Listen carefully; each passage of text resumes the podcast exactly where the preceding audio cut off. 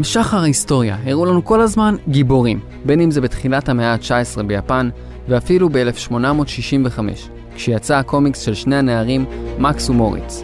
נשים מעולם לא היו הסיפור המרכזי, הן הופיעו בתור דמות שולית. העולם הגברי מציג לנו יותר מדי גיבורים גבריים ושם את הנשים בפינה.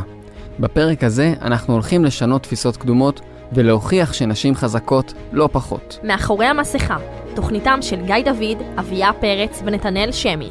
הגיבורה בפרק של היום נולדה באי נעלם שאף אחד לא מכיר, וכל הסיפור שלה נכתב בזכות אהבה אסורה. תכירו את וונדר וומן. וונדר וומן, הגיבורה של חברת הקומיקס DC, מחביאה מאיתנו המון סודות. בתכלס, אם נשאל אתכם מה הקשר בין וונדר וומן, פוליגרף וסאדו מאזו, אתם קצת תלכו לאיבוד. אז בואו נתחיל. וונדר וומן, הגיבורה הפמיניסטית הראשונה. וונדר וומן, נסיכת האמזונות התשיעית, מוכרת גם בשם דיאנה פרינס, כשלמעשה, השם המקורי שלה בהתחלה היה סופרימה.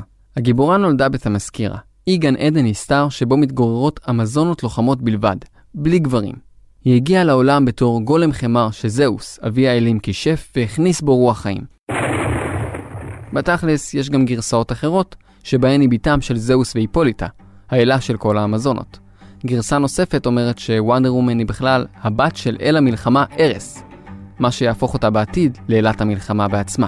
אבל למה אנחנו כל כך אוהבים אותה? לגיבורה האצילית הזו יש חבילת כוחות על מורחבת ואדירה.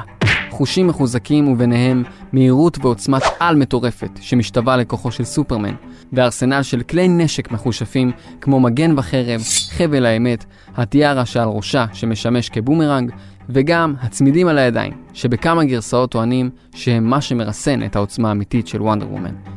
ואם תהיתם, היא גם מצליחה להביס את סופרמן. אבל מה אם לעוף? אז למי שזוכר, גם בסדרת הטלוויזיה שעשו לוונדר וומן בשנות ה-70, לוונדר וומן היה מטוס בלתי נראה, ששירת אותה נאמנה עד שהוחלט שאם היא כבר כזו חזקה, אז יכולת תעופה זה כבר מאסט.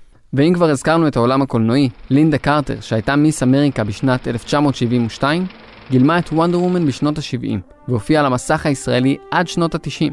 ועם איך שגלגל מסתובב לו, הוונדר וומן, בעולם הקולנועי העכשווי של גיבורי על, היא הישראלית האהובה שלנו, גל גדות, שגם היא זכתה בתואר מלכת היופי של ישראל ב-2004. קצת מוזר, למה דווקא דוגמניות הן אלה שמגלמות את דמות וונדר וומן? כדי להבין מה זה אומר על החברה שלנו, שאלנו את אלון רוזנבלום, מייסד בלוג הקומיקס מולטיברס, על המקרה של גל גדות. כשהיא לוהקה, אז היה ממש קמפיינים מאוד מאוד גדולים על נגד הליהוק שלה. כאילו לא אהבו את הליהוק שלה. אמרו שהיא רזה מדי, אמרו שהיא לא אמריקאית, אמרו שהיא דוגמנית והיא לא שחקנית, ובסופו של דבר, אתה יודע, מפקידים בידיה את אחד האייקונים האמריקאים הכי גדולים שיש. זה לא עוד תפקיד. וגל גדות, בכריזמה המטורפת שלה, הצליחה לשנות את זה, ולהפוך מעיתונות ותקשורת וקהל מאוד מאוד מאוד ביקורתי, להפוך לאמריקה סוויטהארט. כאילו, היא פשוט, כולם אוהבים אותה, מתים עליה, מפרגנים לה בכל מקום שרק אפשר, והיא עשתה את זה לבד, והיא עשתה את זה באמת, כאילו, אולי יעצו לה ואמרו לה, אבל היא עשתה את זה בצורה נהדרת. כן, גל בתחילת הקריירה שלה הייתה קודם דוגמנית ורק אחר כך שחקנית. אז למה ללהק דווקא אותה? מבחינת הקטע הזה של דוגמניות ומלכות יופי וזה, שמע, וונדר וומן היא אמזונה. היא צריכה להיות היפה בנשים. זה לא יעזור. אז נכון, היום אנחנו מכירים גיבורות על שונות, כמו האלמנה השחורה, סופה, קפטן מרוויל ועוד, אבל בחברה של פעם, נשים התקשו לקבל את הבמה הראויה להן. האדם הזה הוא האיש שצייר במו ידיו את חוברות הקומיקס הראשונות של וונדר וומן, מייקל נצר, שהתגייר ועלה לישראל. היום הוא חבר בעמותת קומיקס לכולם, שמטרתה היא לקדם את עולם הקומיקס ככלי תרבותי חינוכי בארץ. הוא מספר לנו על תרבות הקומיקס באותה תקופה. נכון שעולם התרבות נטה יותר לחשיבה גברית בשנים שקדמו למהפכה הנשית, אבל זה לא ששללו לגמרי או הזניחו לגמרי את קיום האישה בתוך עולם הקומיקס, אלא שהתפיסה הזאת לא הפריעה לאף אחד באותה התקופה, או שהתחילה להפריע רק באמצע שנות ה-70.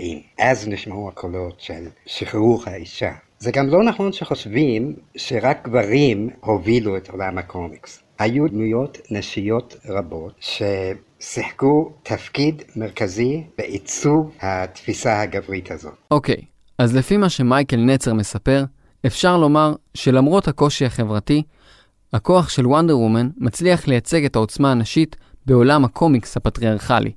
ברור שהיא סופר חזקה והכל, אבל שאלתם את עצמכם, מאיפה בכלל צצה הדמות הזו? אם חיכיתם עד עכשיו לתשובה, אז זה הזמן. בואו נחבר בין סאדו מאזו, גלאי שקרים ווונדר וומן. מי שעומד מאחורי היצירה של וונדר וומן הוא הסופר צ'ארלס מולטון, או בשמו המקורי, פרופסור ויליאם מולטון מרסטון, פסיכולוג אמריקאי פמיניסטי שגדל במסצ'וסטס בשנת 1893. ולפני שהוא בכלל חשב לכתוב את וונדר וומן, הוא הספיק לעבוד בהמון תחומים כמו עורך דין, כתב, דובר ואפילו עוזר קולנועי של יוניברסל סטודיוס ביצירת הסרט פרנקנשטיין משנת 1931.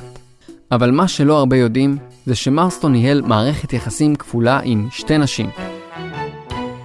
האחת, אשתו דוקטור אליזבת הולווי, שחלקה איתו את חייו המקצועיים והזוגיים, והשנייה, אוליב ביירן, שהייתה סטודנטית שלו, והחלה גם היא להתראות עם מרסטון, עד שבשלב מסוים עברה לגור איתו ועם אשתו בביתם. שם הם ניהלו אורח חיים משולב וגם קצת מורכב. מעבר לאהבתן הגדולה לפרופסור מרסטון ולפמיניזם שהוא ייצג, שתיהן הוגדרו כנשים פמיניסטיות חזקות. אוליב ביירן הייתה בת למשפחה פמיניסטית, שהקימה את ארגון חופש הלידה האמריקאי לנשים, ואילו אליזבת, שבאה מרקע שמרני כמו רוב הנשים באותה תקופה, התנגדה לחברה הגברית ונלחמה על הדוקטורט שלה. ומה עם מרסטון? הוא ראה בשתי נשותיו את האישה האידיאלית, וקרא להן וונדר ווימן, נשות הפלא, ובעצם הן היו ההשראה לגיבורה שלנו. וונדר וומן נולדה מתוך השראה נשית, והיא עדיין שומרת על הנשיות שלה אה, תוך כדי ייצוג כוחני שבתקופה ההיא אפיין בעיקר גיבורים גבריים. אני חושבת שהכוח שלה מצליח להעצים נשים עד היום. אליה קוטיאל, מעריצה של וונדר וומן וכתבת בגיקלופדיה, רואה בה מודל לחיקוי. אז גם דיבה וגם סופר גיבורה שמצליחה לפרום מעליה את השליטה הגברית. כמו בכל התפתחות uh, חברתית uh, אשר באה להתריס על מצב קיים, היו מתנגדים, והמתנגדים בעצם חשבו שזה לא מקומה של uh, גיבורה להיות בפרונט של עולם של גיבורים. מרסטון ראה את הבעת הגיבורה לפרונט של עולם הקומיקס, המשך ישיר של המאבק שהחל במתן זכות הבחירה 50 שנה לפני כן. הוא ראה שבעצם אותה התקופה כבלה את ידי האישה, ושהאישה צריכה להילחם נגד זה, נגד קשירת הידיים האלה, הזאת, נגד זה שהיא כבולה לאיזושהי תפיסת עולם של הגבר. אבל אולי מרסטון לא התכוון לקשירה בכבלים כהתבטאות מטאפורית לשליטה גברית. אולי הוא ניסה לספר לנו משהו אחר, משהו נוסף. בשנת 1941 פרסם מרסטון את הקומיקס הראשון של וונדר וומן בתוך המהדורה השמינית של All Star Comics, שבהמשך התאחדו עם DC קומיקס. ולאט לאט, לתוך העולם של וונדר וומן, נכנסו אלמנטים מחייו האישיים, ובתוכם נכנסה גם תרבות הסאדו מאזו. כשאוליב ביירן הייתה סטודנטית, היא גרה בבית אחווה, שהיו בו טקסים עם קוד לבוש, איך נאמר, משונה למדי. בערבים מסוימים, חברות הקבוצה התלבשו בסינרים וחיתולים בלבד, ואם מישהי הייתה מעיזה להפר את תקנון האחווה, היו מענישים אותה בקשירות והצלפות. מרסטון ואליזבת, שנחשפו לעולם הזה של אוליב, אימצו אותו אליהם, ובלי לשים לב, הסאדו מאזו גלש גם לעולם הקומיקס. אם תשאלו את מרסטון, מבחינתו, כל הקשירות האלה מסבירות את התיאוריה הפסיכולוגית שלו, שמדרבנת סנכרון בין כניעה ושליטה בין בני זוג. זה גרם להרמת גבה בקרב החברה האמריקאית באותה תקופה, ובסופו של דבר, אנשים לא הבינו איך לעכל את כל הדבר הזה.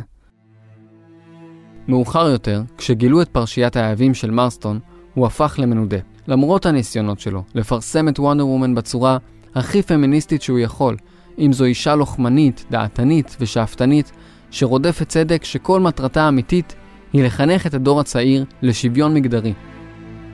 החליטו להעלות את מרסטון לוועדת החינוך האמריקאית, ושם הוחלט לגנוז את כל התכנים הבלתי הולמים לילדים, וביניהם חלקים מוונדר וומן.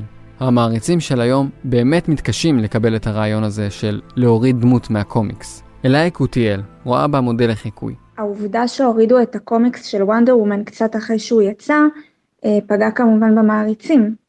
הקשירות, הלבוש והמיניות הם אולי היו מוצגים ביותר מדי פרקים, אבל זה לא מצדיק למחוק את כל הקומיקס. יכול להיות שמה שניסו בעצם לעשות זה להעלים גיבורה מהמיינסטרים, כי הפריע להם שיש אישה בפרונט שהיא מקבלת התייחסות כמו שצריך. אז וונדר וומן חזרה אל הקומיקס, אחרי שמרסטון ביצע את השינויים שנדרשו ממנו, ולאחר מותו ב-1947, רוברט קניגר המשיך את היצירה, אבל בצורה פחות פמיניסטית.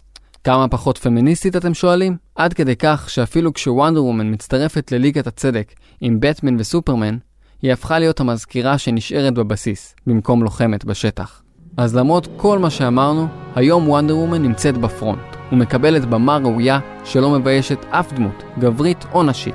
וכל זאת בזכות דוקטור אליזבת הולווי, אוליב ביירן והפרופסור ויליאם מולטון מרסטון. מה שמבקשת התנועה להגיד זה I am woman, hear me roar, in numbers too big to ignore. שהאישה יכולה לעמוד בכוחות עצמה גם כאשר מטרידים אותה והופכים אותה לאובייקט. גם שמה כביכול, שהיא כבולה בתוך השרשרות של התפיסה הזאת של עולם הגבר. על אף זאת, יש לה את הכוח לצאת מזה ולעמוד ולהגיד לא עוד. זה בעצם קמפיין מיטו. הוא מתחבר ישירות למה שוונדר וומן מייצגת. אז אפשר להגיד, אבל איפה, מאיפה זה בא? הנה, את האישה שאומרת שהוטרדה ונכפה עליה, כבולה. זה זה, זה אותו דבר של התמונות האלה של וונדר וומן, שהיא כבולה בכל מיני מצבים חוזרים ונשנים בחוברות הקומיקס שלה. קמפיין מיטו ויציאת הסרט וונדר וומן התרחשו בזמנים ממש קרובים אחד לשני, שזה יצר גל כל כך גדול, אה, סליחה, גל כל כך גדול, אז ברור שוונדר וומן קיבלה באז אדיר לייצוג הנשי. ואם חשבתם ששכחנו, אז לא. מעבר לתרומתו לעולם הקומיקס והפסיכולוגיה, מרסטון ואשתו אליזבת היו אחראים להמצאה של מדידת לחץ הדם וקצב הלב במצבי לחץ, מה שהביא בהמשך להמצאת מכונת הפוליגרף. וגם את זה הם הצליחו להוציא מחייהם האישיים ולהעלות על דפי הקומיקס. לאסו האמת של וונדר וומן הוא תוצאה ישירה של הפטנט שהם גילו. ואם יצא לכם לקרוא או לראות, כשוונדר וומן קושרת מישהו בחבל הזה, הוא מחויב לספר לה את האמת ורק את האמת. חבל האמת היה הביטוי של מרסטון למכשיר הפוליגרף שהוא המציא. מההמצאה הזאת הוא קבע שאנחנו יכולים לגרום לאנשים לומר את האמת, או לדעת מתי הם משקרים. כאשר הוא מלביש את מהות ההמצאה הזאת על הדמות שהוא המציא, וונדר וומן, הוא בעצם נתן לה כוח על חדש שבא בעקבות ההמצאה הטכנולוגית שלו. היו הרבה ביקורות על הדמות הזאת בהתחלה, אבל זה בא מקצה, ממש קצה קצה של החברה האמריקאית. בשונה מהאנשים שחיים במאה הקודמת והלא מתקדמת, יש משפחות שרואות בדמות הזו העצמה הרבה מעבר למה שחשבו. לדוגמה, משפחתה של מיכל פז, המוציאה לאור של חוברות הקומיקס בעברית. אני ראיתי את הסרט פעם אחת עם הבן שלי, ואז עוד פעם אחת עם הבת שלי, וזה היה ממש מרגש לראות את זה איתה. זה באמת סרט שיש בו האלמנט העצמה הנשית שבו, הוא עובד מדהים. הדמות של וונדר וומן אומנם מיוצגת במקומות רבים כאימהית ונשית, אבל האמזונות המיתולוגיות הן נשות חיל, ויש להן קוד אתי שכל אחת מכירה בעל פה, וגם וונדר וומן. יש לנו אמירה, האמזונות. לא להרוג אם אפשר לפצוע, לא לפצוע אם אפשר להכניע, לא להכניע אם ניתן להרגיע, ולא להרים את היד בכלל לפני שהושתה לשלום. אז וונדר וומן הצליחה להביא אחריה גל של גיבורות על שמנסות להתחקות לה, ביניהן סופרגרל, מיס מרוויל ועוד נשים שמקבלות את הכוח ואת הבמה. ואפשר לומר שהיא מצליחה לייצג את המין הנשי עד היום בגאווה ובגאון. אחת הנשים הכי מעוררות השראה. נגיד כל העניין הזה שהיא קיבלה את הפרס באו"ם. מצד אחד זה היה נורא נחמד, מצד שני זה היה, כן, עכשיו גל גדות מגיעה לקבל, וואט, מה זה סלט פירות הזה, זה, זה מאוד, אה, זה, בסוף את זה, הדמיון קצת, אה, קצת נסחפנו, וזה נחמד. כן, חברים. באוקטובר 2016, האו"ם הכריז על וונדר וומן כשגרירת כבוד להעצמת נשים ונערות לכבוד 75 שנה ליצירת הדמות. לאחר תקופה קצרה, החליטו שהמיניות של וונדר וומן מוחצנת מדי, וחזרו בהם מההחלטה. אבל לא רחוק היום. תחשבו כמה זה אבסורדי, שדמות בדיונית, מצוירת, הופכת ללוגו מייצג במציאות שלנו. מכאן אפשר לקוות ליום אחד שבו באמת יהיה רק שלום ואהבה. ויש מצב שזה יקרה כשרק נשים יהיו בשלטון. מאחורי המסכה, תוכניתם של גיא דוד, אביה פרץ ונתנאל שמי. מוזמנים להאזין לפרקים הנוספים של מאחורי המסכה,